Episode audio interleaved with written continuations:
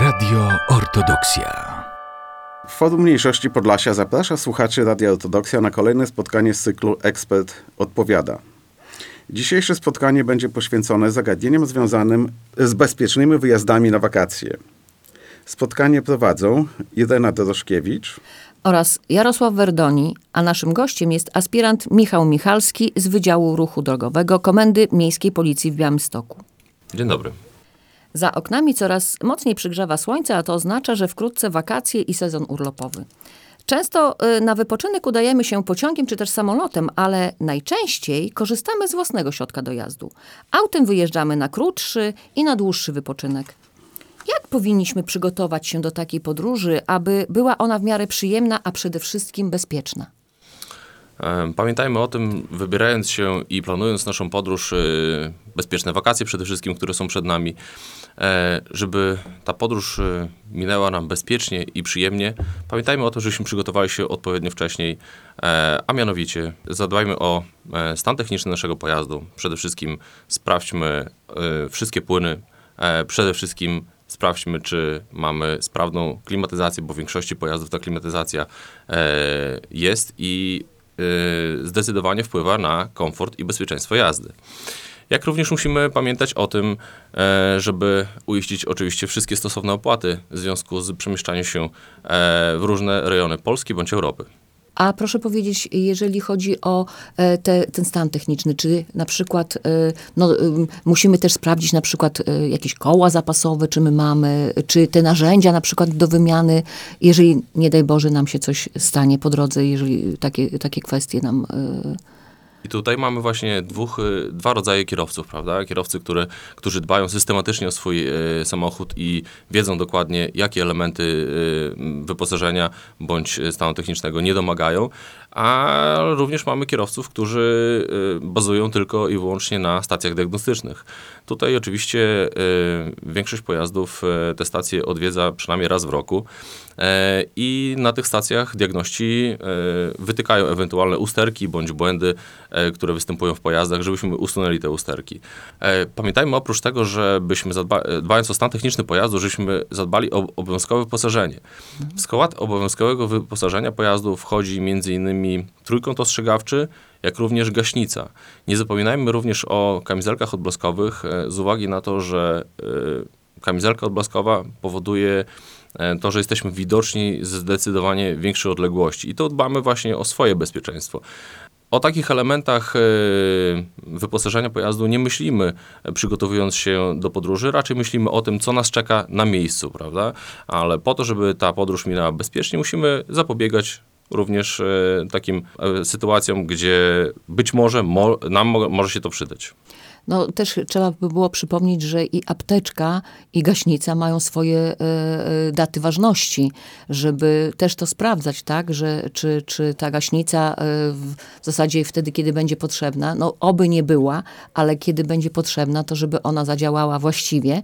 Tak samo i apteczka, tym bardziej w apteczce znajdują się jakieś leki takiego, takie podstawowe, najbardziej podstawowe i my w domu też, jak mamy jakieś tam zasoby medyczne, też sprawdzamy, Y, te zasoby, czy one są y, y, właściwe, znaczy czy termin ich ważności jeszcze nie minął, tak i w tych apteczkach e, samochodowych powinno to, to być. E, tak jak najbardziej. Jeżeli chodzi o apteczki, jeżeli chodzi o pojazd, e, samochód osobowy, nie jest to obowiązkowe wyposażenie, ale tu właśnie dbając o bezpieczeństwo nasze i uczestników ruchu drogowego pozostałych, bo tylko pamiętajmy o tym również, że nie musimy myśleć w aspekcie naszym, lokalnym tutaj, że tylko i wyłącznie naszej rodziny, ale również tego, że będziemy się przemieszczać po drogach, często pokonując setki kilometrów, możemy najechać na zdarzenie drogowe, gdzie właśnie taka apteczka i nasze umiejętności zdobyte, bądź yy, nawet umiejętności, które są często intuicyjne, yy, pomogą innym uczestnikom, którzy mają jakieś zdarzenie drogowe. Tutaj też właśnie warto nawiązać do e, sprawnej gaśnicy. E, czasami zdarza się, że zajeżdżamy na zdarzenie drogowe i z relacji świadków e, słyszymy, że owszem, jedna osoba podbiegła z gaśnicą, ta gaśnica jest niesprawna, bo ona oczywiście ma czasookres uży, użyteczności swój.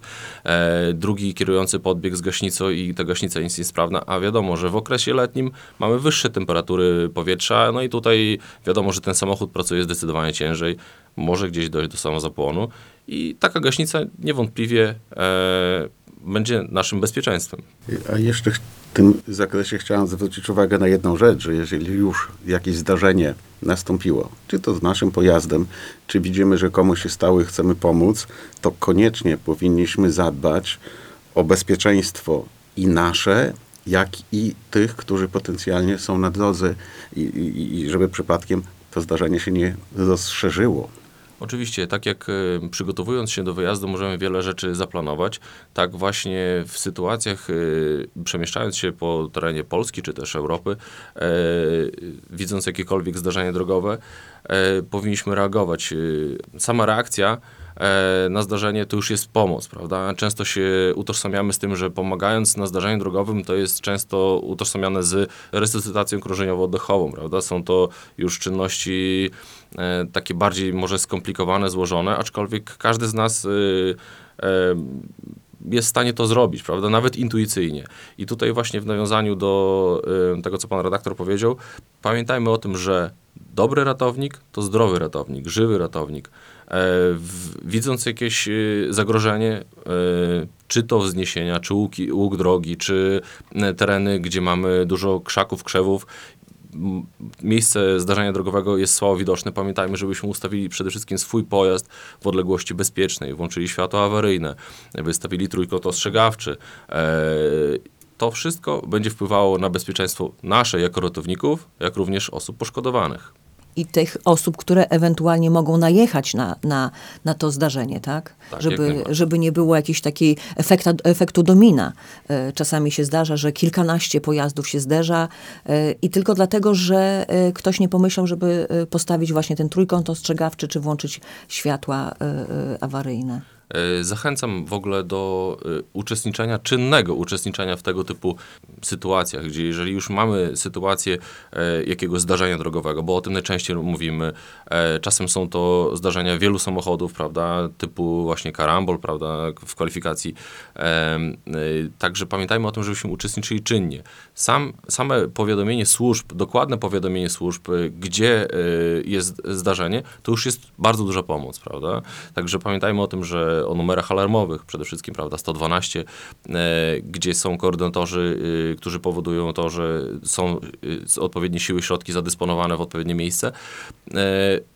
To nie łudźmy się tym, że ktoś zrobi to za nas, bo czasami jest tak, że osoby, które dojeżdżają na miejsce zdarzenia, nie są akurat z tego rejonu, z tego okręgu, prawda? I mogą podać dane dla dyspozytora nieprecyzyjne.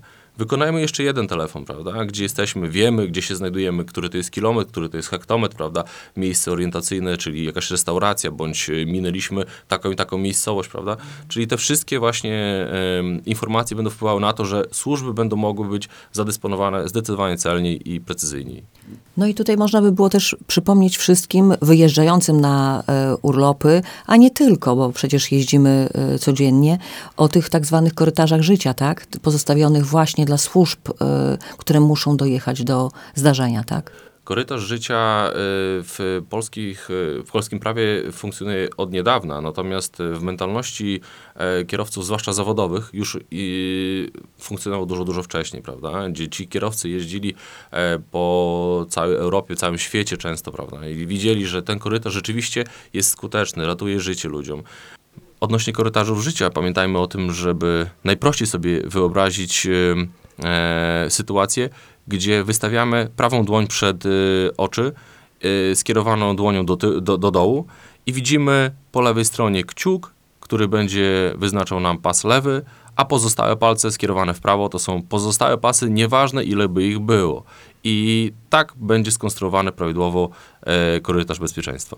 Czyli y, lewy e, pas zjeżdża maksymalnie na lewo, a pozostałe powiedzmy pasy, które wskazują palce pozostałe na ręce, to maksymalnie na prawo mają zjechać. I ten środkowy, ten przestrzeń między kciukiem a palcem wskazującym jest to korytarz życia, tak obrazowo można powiedzieć. Tak obrazowo i to jest fajne odniesienie, bo każdy z nas będzie najprościej sobie ten, ten korytarz bezpieczeństwa wyznaczył. Mhm. Czy nie, niezależnie od tego, czy to będzie powiedzmy e, palec wskazujący i kciuk, palec wskazujący kciuk i powiedzmy e, palec e, środkowy, ilekolwiek tam będzie, to zawsze ta zasada będzie taka sama.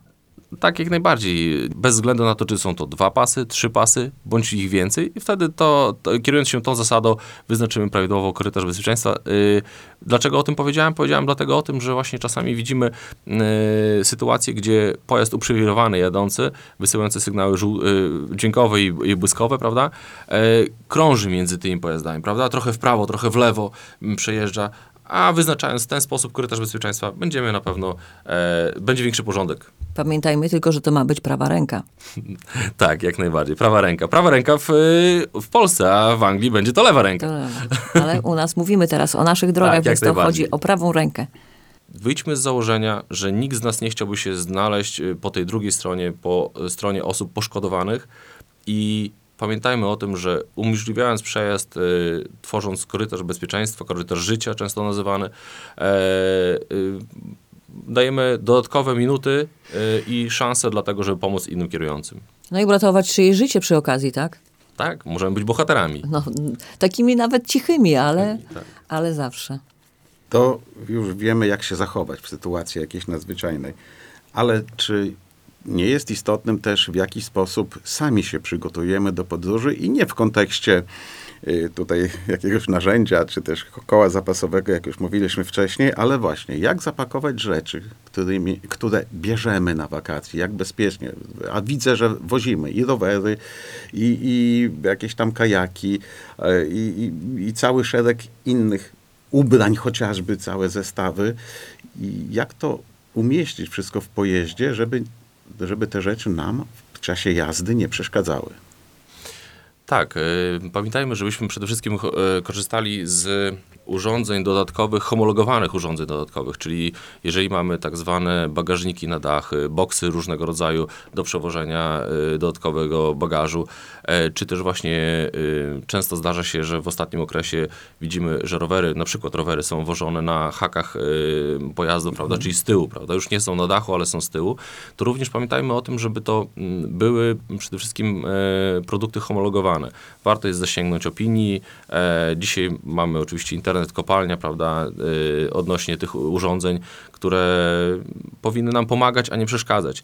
Zdarza się, że widzimy e, jakieś e, różne informacje z dróg e, odnośnie tego, że jakiś rower spadł powiedzmy z dachu, bo najczęściej to jest zauważalne, że cza, czasem jeden element może spaść. No i tutaj oprócz tego, że mamy dobre urządzenie homologowane, to również pamiętajmy o tym, że musimy zabezpieczyć nasze, w tym przypadku rowery, bądź boks, bądź kajaki, bo też są wożone przecież y, na dachach, prawda? Czyli te Y, zaczepy muszą być po że- prostu No oczywiście, tak. porządne i, też, i też pewnie jakieś certyfikowane. certyfikowane. Właśnie nie idźmy w jakieś e, półprodukty, prawda, albo produkty, które imitują dan, daną jakąś tam markę, prawda, ale muszą to być dobre, dobrej jakości zaczepy, mocowania, często pasy, które się nie odpinają, e, nie luzują. E, Dodatkowo, co warto jest jeszcze zrobić? Po pokonaniu kilkunastu, kilkudziesięciu kilometrów, warto jest właśnie sprawdzić, czy przypadkiem jakiś e, zaczep, jakiś pas nie poluzował się, żeby ta podróż minęła dla nas bezpiecznie, przede wszystkim dla nas, ale również innych uczestników ruchu, bo taki rower, który spada z dachu, przecież może zro- zrobić bardzo dużo e, innych szkód, e, doprowadzając do nieszczęścia, prawda, i naszego i czyjegoś przy okazji. Mm, Dlatego e, tutaj mówiąc o tych e, urządzeniach, warto jest czasami zainwestować troszeczkę więcej, żeby być bezpieczniejszym w dalszym etapie. E, Co warto jeszcze jest powiedzieć odnośnie tych urządzeń, które są montowane na haki, prawda? Czyli teraz mm, widzimy przede wszystkim rowery, które e, podróżują za pojazdem, prawda? E, Od pewnego czasu w prawie polskim e, i e, odnośnie em, rejestracji pojazdów, mamy możliwość wyrobienia trzeciej tablicy rejestracyjnej, prawda? Czyli czasami widzimy, że niektórzy kierujący kombinują, prawda? Ściągają jedną tablicę e, na te urządzenie, montują swoją tablicę. Nie ma takiej potrzeby. Możemy e, oczywiście w Wydziale Komunikacji e, złożyć wniosek o wydanie tej trzeciej dodatkowej tablicy i, i wtedy wiadomo, jesteśmy widoczni, czytelni, e, a właśnie tutaj dodatkowy apel, żebyśmy mocując te wszystkie urządzenia, żebyśmy raz, że nie zasłaniali sobie, dwa, żebyśmy nie zasłaniali innym uczestnikom przestrzeni, która nas otacza. Czyli to tak, y, no nie ma co też y, oszczędzać na bezpieczeństwie, tak? Bo to jednak, y, no wiadomym jest, że certyfikowane, czy te homologowane urządzenia jakby, czy te przedmioty, no trochę są droższe niż takie zwykłe, kup, kupione, nie wiem, gdzieś w jakiejś budzie w markecie ulicznym, tak? Ale są na pewno zdecydowanie bezpieczniejsze. Tak, jak najbardziej. Ja w ogóle jestem zwolennikiem i, i propagatorem tego, że bezpieczeństwo tworzymy my sami. Jeżeli zaczniemy to bezpieczeństwo tworzyć y, od nas samych, od naszej najbliższej rodziny, od naszego najbliższego otoczenia, to jeżeli każdy pójdzie tym tokiem rozumowania, to w zasadzie nie powinno dojść do żadnego zdarzenia. No tak. No ale i wewnątrz pojazdu nie powinniśmy również chyba mieć Zbędnych ele- zbędnych przedmiotów. przedmiotów, które mogą się zwłaszcza przemieszczać. Tak, tak. E, Przedmiot, który wewnątrz umiejscowiony nieprawidłowo, jest bardzo dużym e, zagrożeniem. E, Ja przytoczę może tutaj zdarzenie, które akurat y, miałem przyjemność kiedyś obsługiwać. Wydawałoby się na pozór, że to była tylko zwykłe zdarzenie mm, z drzewem w tym przypadku, prawda? Ale przy niedużej prędkości, bo uszkodzeń pojazdu nie było jakichś znacznych, prawda? Była to pora zimowa. E, kierujący wpadł poślizg i uderzył e, przodem pojazdu w drzewo, czyli jeżeli by miał e, zapięte pasy bezpieczeństwa, wszystkie systemy zadziałały tak jak trzeba, to jest najbezpieczniejsze uderzenie, jakie może być, bo tym bardziej, że cały samochód się nie odkształci zbytnio. Niestety ten e, kierujący poniósł śmierć na miejscu z uwagi na to, że na podszybiu, czyli e, w tej tylnej części pojazdu, prawda, e, miał umiejscowiony ciężki klucz. Klucz metalowy, który dostał siły impetu i uderzył go w kręgi szyjne, prawda? Tutaj mamy, to jest obrazowo y, przedstawiona sytuacja, co się dzieje z tymi przedmiotami, kiedy one dostają takie bezwładności. Czy to będą jakieś y, pudełko z chusteczkami, bo czasem tak się zdarza, czy to jakieś maskotki, które widzimy na podszybiu, czy to piłki różnego rodzaju, e, przedmioty metalowe, już nie wspomnę, prawda, plastikowe. Pamiętajmy, że właśnie, żeby wyeliminować te elementy, które wpływają na te negatywne skutki zdarzeń drogowych, to właśnie powinniśmy zadbać my sami, prawda? Czyli przede wszystkim to, o czym właśnie rozmawiamy, czyli e, kwestie zewnętrzne, czyli umiejscowienie e, naszego bagażu, kwestie wewnętrzne, rozmieszczenie, właściwe rozmieszczenie e, rzeczy, które przewozimy i żeby te rzeczy bezwładnie się nie przemieszczały, ale również pamiętajmy o tym, żeby korzystać ze wszystkich systemów, które mamy, e, w które pojazd jest wyposażony, prawda? Czyli pasy bezpieczeństwa, żeby były zapięte w sposób właściwy, żeby dzieci były przewożone w sposób właściwy, czyli foteliki bądź urządzenia, prawda, do tego przystosowane i żeby to też właśnie zachęcam do urządzeń homologowanych, bo to, to jest ważne, żeby ten pas przebiegał w linii biodrowej e, i przez bark, a nie w sposób taki niechlujny, prawda. Czyli żebyśmy nie byli uspokojeni, a mam fotelik, jest ok, policja się nie będzie czepiać. Tu chodzi przede wszystkim o bezpieczeństwo naszych dzieci, które przewozimy, a nie tylko sam fakt, żeby tam można było ptaszek postawić, że jest ok, kierowca spełnił minimalny wymóg. to trzeba głośno o tym powiedzieć, że my to jest właśnie dla naszego bezpieczeństwa. Nie dlatego, żeby policja się nie czepiała, a dla naszego bezpieczeństwa. E, zdarza się czasami podczas kontroli, że na przykład widzę e, kobietę w ciąży e, korzystającą z pasu bezpieczeństwa. E, ogólnie, jeżeli chodzi o tendencję e, ogólnoświatową, to jak najbardziej e, cała branża zajmująca się bezpieczeństwem w ruchu drogowym zachęca do korzystania z pasu bezpieczeństwa, mimo tego, że kobieta w ciąży jest zwolniona z tych pasów i może sobie jeździć tak zwanie legalnie, prawda, bez tych pasów bezpieczeństwa. Natomiast y, są fajne urządzenia do tego, żeby zadbać o swoje bezpieczeństwo i również y, bezpieczeństwo płodu.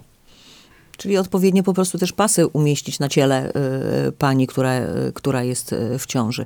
A proszę powiedzieć e, słuchaczom naszym, jak to z tymi krzesełkami takimi y, dla dzieci y, jest? Jakie to jest, jakieś są wymogi specjalne, wiekowe? Wzrostowe, Kiedy dziecko może inne, już kiedy jechać może jechać jak po dorosły, powiedzmy, tak.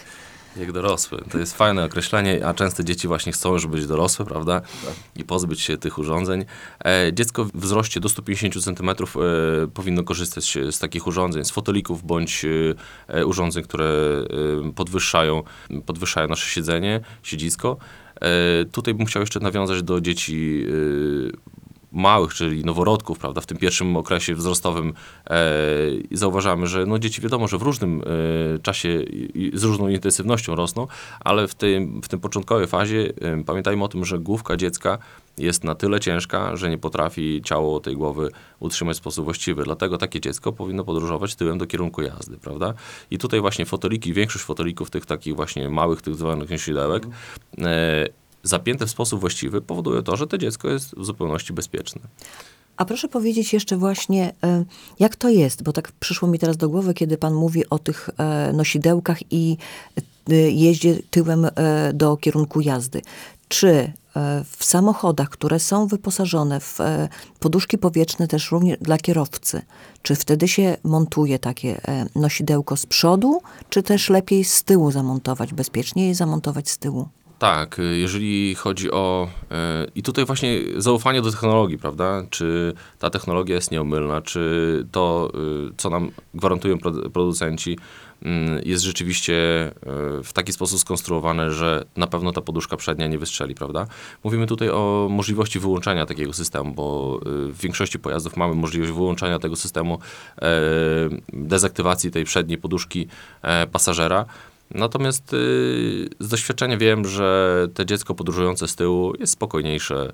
E, aczkolwiek, no wiadomo, że jeżeli rodzic jedzie sam e, i mimo tego, że na przykład korzysta z różnego rodzaju luster, które powodują to, że widzimy dziecko, no to raczej bym optował za tym, żeby to dziecko jechało z przodu, gdzie będzie w zasięgu ręki, niż e, rodzic, który na przykład Może rozproszony odwracać. będzie, tak, odwracał się, bądź patrzył w e, te, te zwierciadła i, i może do, doprowadzić do nieszczęścia, prawda? Swojego i dziecka przede wszystkim. Czyli, ale wtedy trzeba pamiętać, jeżeli dziecko umocujemy, to, ten fotelik, to nosidełko z przodu, to trzeba wtedy pamiętać o, tak jak pan powiedział, o dezaktywacji tej poduszki powietrznej pasażera, żeby, żeby nie daj Boże, kiedyś tam nie wystrzeliła i nie przygniotła dziecka do zagłówka, powiedzmy. Jeżeli nie ma takiej możliwości dezaktywacji tej poduszki, to pamiętajmy o tym, że oczywiście na przednim siedzeniu y, dziecko nie może być przewożone.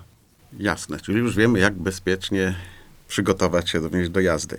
No i już dobrze, wszystko załadowaliśmy bezpiecznie, zgodnie z tymi zasadami, o których tu mówimy. Wyruszyliśmy w podróż. No i mamy do przejechania powiedzmy 500 km, 800. Czasami i Czy- więcej. No czasami i więcej, ja już mówię to w kraju powiedzmy, Tak. to, to takie odległości gdzieś za granicę, jak jedziemy, to dalej. Chyba warto robić przerwy, chyba warto gdzieś nawet nocleg sobie zaplanować. Jak, jak, jak pan Bardzo fajnie. Do tego e, tematu to, to jest dobre, dobre poruszenie tego zagadnienia z tego względu, że ym, część z nas y, dosyć y, lekceważąco podchodzi właśnie do planowania tej podróży. Planowanie podróży to też jest ważna e, kwestia, wyjeżdżając na wakacje, żebyśmy mieli zaplanowaną podróż.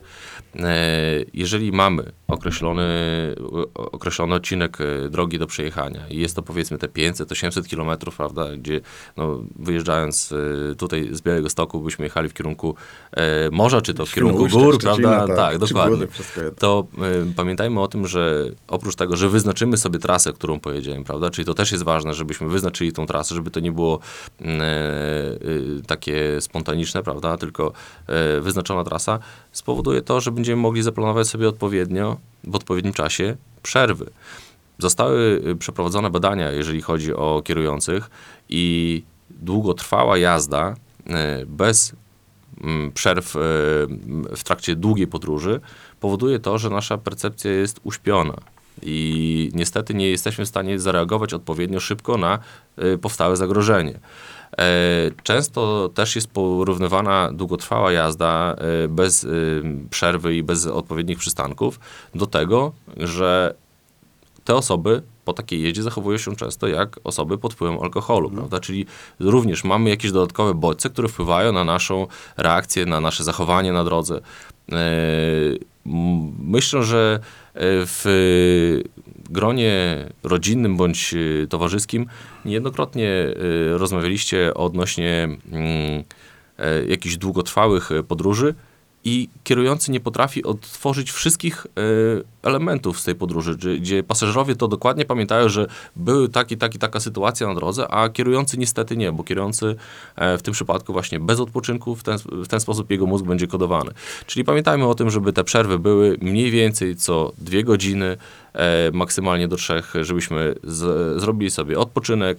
Jest to y, fajny czas na to, żeby mogły sobie ewentualnie dzieci wyjść, rozprostować kości, żeby ta podróż mijała w y, dobrej atmosferze, a nie w atmosferze nerwowej właśnie. To też jest y, następny y, element, że y, jeżeli wystąpi jakaś sytuacja stresogenna na jezdni, na, na, w trakcie podróży, to pamiętajmy o tym, żebyśmy właśnie e, zatrzymali się, odpoczęli troszeczkę, zrobili sobie przerwę na herbatę, kawę bądź jakiś napój. E, odpoczęli troszeczkę, y, żeby ta głowa nie była zaabsorbowana tą sytuacją y, stresogenną i wtedy będziemy mogli sobie spokojnie dalej kontynuować jazdę.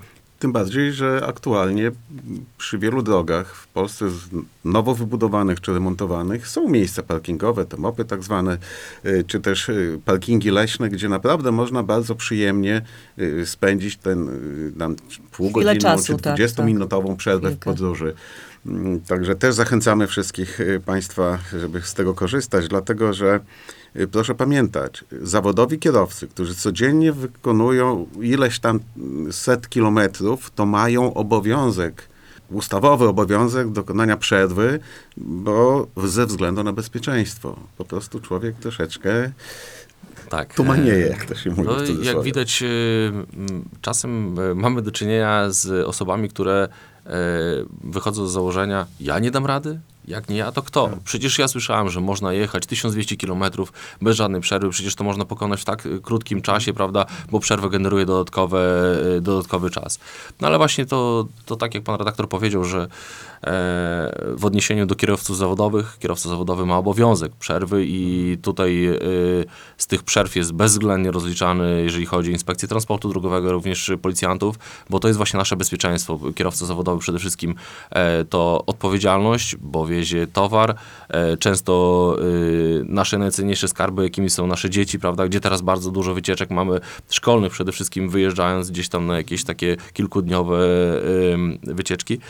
No i tutaj właśnie to, te zachowania kierowców zawodowych musimy przenosić na mniejsze pojazdy, prawda? Czyli ten, ten nasz taki aspekt rodzinny, prawda? Wyjazdów tych rodzinnych y, podróży e, wakacyjnych przede wszystkim. I tu jeszcze dodam, nie tylko przy przejeździe do docelowego punktu wypoczynku, ale przede wszystkim na te wszystkie aspekty powinniśmy zwracać uwagę przy powrocie, bo czasami chcemy szybciej do tego domu dotrzeć i chyba z tego, co słyszałem, to statystyki też pokazują, że dochodzi do wielu wypadków właśnie w pobliżu miejsca zamieszkania, kiedy zmęczony kierowca ma już nieco tą czujność zmniejszoną i dochodzi do nieszczęścia. Tak, tak jak e, planując wyjazd, tak musimy zaplanować już, już powrót.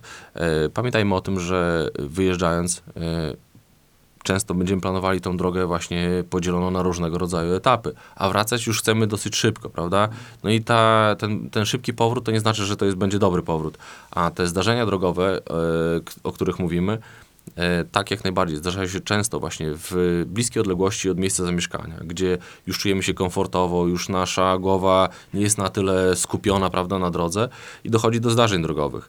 E, tutaj warto jest również powiedzieć mm, odnośnie e, planowania tej podróży, to jeżeli ktokolwiek kiedyś chodził po górach, to każdy przewodnik górski powie, że z taką prędkością, jak wchodzimy na szczyt, to z taką prędkością również powinniśmy schodzić, bo najwięcej kontuzji jest właśnie w drodze do dołu.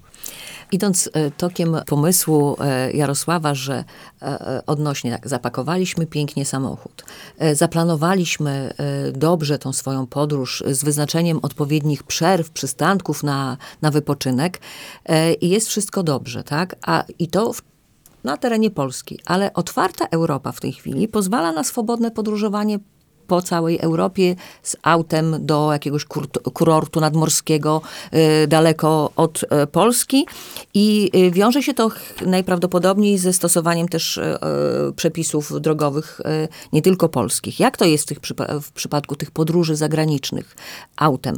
Czy te przepisy, i jakie te przepisy nas wtedy obowiązują? Takie, co są w Polsce, czy takie, które są tam?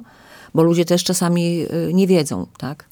Tak, jeżeli chodzi o podróże w aspekcie tutaj lokalnym, czyli mówimy na terytorium Polski, no to już dosyć szczegółowo sobie omówiliśmy. Teraz powiedzmy troszeczkę szerzej, prawda, czyli rozwijmy się tutaj do Europy, bo często właśnie podróże europejskie są to podróże samochodowe, jako przygoda traktowane, prawda, że nie musimy wcale przemieścić się z punktu, do A do, e, z punktu A do B e, jak najszybciej, czyli samolotem, ale właśnie traktując jako właśnie przygodę, jadąc samochodem. I tutaj właśnie podróżując, y, podróż ta przede wszystkim jest uwarunkowana dużymi odległościami, czyli to, o czym powiedzieliśmy wcześniej. Zaplanować odpowiednio podróż, odpowiednie przystanki, być może właśnie nawet nocleg po drodze. E, Również musimy, e, planując to wszystko, musimy e, zagłębić się, jakie przepisy obowiązują u nas na terenie różnych państw. Dzisiaj najczęstszym skojarzeniem będzie strefa Schengen, prawda, gdzie mamy ruch, odbywa się bez postojów na granicach, prawda? I czasami nawet przejazd do innego państwa nie jest e, zakodowana, że wjechaliśmy do tego innego Nie państwa. zauważamy nawet Nie tego. zauważamy, dokładnie. Ale przy wjeździe do każdego państwa jest taka duża tablica informacyjna mówiąca o tym, jakie mamy ograniczenia prędkości, czy obowiązują nas e, światła e, przez całą dobę i skupiając się na tym, to już jest, będzie dla nas informacja. Natomiast warto jest właśnie zagłębić się e, szerzej gdzieś na strony podróżnicze, jak to już ktoś przejechał tą drogę i na co zwrócić uwagę e, podczas tej podróży, by właśnie za, za, za, zaznajomić się z tymi przepisami. Tak jak e, wiemy, mm, w niektórych państwach popularne radia CB są zabronione, gdzie na przykład w Polsce można z tego radia korzystać bez żadnego ograniczenia. Tak samo jest z innymi aspektami, prawda? E, Czy wyposażenie samochodu na przykład, to teraz u nas e, nowe przepisy, które wprowadziły kamizelki odblaskowe e, niedawno, a przedtem w innych krajach one były już dawno obowiązkowe, więc też, też musimy zwrócić uwagę na to, jakie wyposażenie samochodu też obowiązkowe jest w danym kraju. Tak, to jest słuszna uwaga, gdyż w Polsce nie ma doprecyzowanego, ile w pojeździe powinno być kamizelek, prawda? A w zasadzie to wynika z tego, że ile osób wyjdzie poza ten pojazd. E, Na drogach szybkiego ruchu, drogach ekspresowych, po jakiejkolwiek awarii pojazdu, e, wyjeżdżając właśnie za e, nasze zachodnie granice, południowe granice, widzimy, że pojazd, który jest pozostawiony na jezdni, nawet na tym pasie awaryjnym, prawda, na autostradach, gdzie jest prawidłowo oznakowany poprzez trójkąt ostrzegawczy umieszczony w odpowiedniej odległości, poprzez włączone światła awaryjne, światła e, pozycyjne często, e, to również widzimy osoby będące poza barierkami. Czyli tutaj właśnie, gdyby doszło do jakiejkolwiek awarii, pamiętajmy o tym, żeśmy zeszli poza barierki, bo tam mamy zdecydowanie bezpieczniejsze miejsce, a druga kwestia jest taka, że mm, kraje zachodnie wymagają tego, żeby w pojeździe e, było tyle kamizelek odblaskowych, ile jest Pasażerów. pasażerów dokładnie i łącznie z kierującym. Przed wyjazdem zachęcamy, żeby jednak się bardzo szczegółowo zapoznać z wymaganiami odnośnie kierowców y, w poszczególnych krajach, przez które chcemy jechać, żeby nie było potem niespodzianek i, i, I żebyśmy mandatów płaconych w właśnie- euro. Żebyśmy nie musieli Tutaj jeszcze może bym właśnie nawiązał do tych mandatów, bo w rozmowach z y, kierowcami często jest tak, że e, o, w końcu z mandatami dogoniliśmy Europę, prawda? Bo na, w krajach europejskich to już dawno były takie wysokie mandaty e, i, i tam rzeczywiście widać, że kierujący jeżdżą spokojniej. Ja również zauważyłem, że e, jeżeli chodzi o wzrost tych mandat, wysokości cen mandatów, to e, w Polsce zdecydowanie kierowcy już jeżdżą spokojniej, natomiast pamiętajmy, że to nie chodzi o mandaty, chodzi o nasze bezpieczeństwo. Jeszcze tylko wrócę do jednej rzeczy.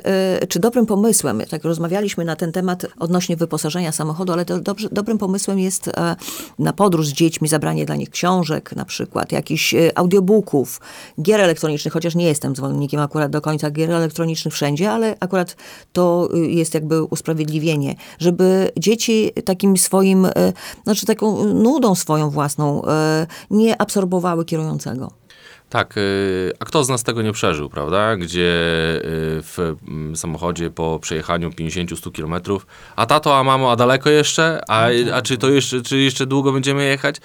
No i właśnie często właśnie takie gry, czy to również książki, prawda, e, mogą, mogą zachęcić dzieci do tego, że sobie to podróż minie dla nich przede wszystkim szybciej, E, i, I nie będzie takich e, dodatkowych pytań, prawda? Często nurtujących, bo jak e, co 10 minut pada pytanie, jadąc w długą podróż, a daleko jeszcze, no to już wtedy wiadomo, że zaraz ta frustracja narasta, że coś jest nie tak, prawda? Denerwujemy się. No to właśnie też mówimy o tych przerwach. E, można również, i do czego zachęcam, e, dzieci zaangażować w podróż. E, poprzez kupienie mapy, tradycyjnej mapy papierowej, e, możemy zaangażować dzieci, żeby dzieci wyznaczyły nam tą trasę, żeby powiedziały, jaki jest następny punkt, albo następne jakieś większe miasto, które będziemy mijać. Dzięki Równie- temu poznają geografię też. Właśnie, możemy tutaj poruszyć też y, kwestie związane z tymi miastami, prawda? E, jakimiś historiami. Także, także podróż może być przyjemna, oczywiście e, to wszystko zależy od nas. Czyli właściwie zaplanowana trasa naszej podróży wakacyjnej mo- pomoże nam dojechać bezpiecznie do miejsca naszego wypoczynku i bezpiecznie powrócić do domu. E, pamiętajmy o tym właściwie i odpowiedzialnie planując swoje wakacje i podróż na te wakacje. Dzisiaj naszym gościem w Radiu Ortodoksja był aspirant Michał Michalski z Wydziału Ruchu Drogowego Komendy Miejskiej Policji w Białymstoku. Dziękuję. A program prowadzili Jarosław Werdoni oraz Irena Doroszkiewicz z Forum Mniejszości Podlasia. Zapraszamy do słuchania naszej kolejnej audycji. Radio Ortodoksja.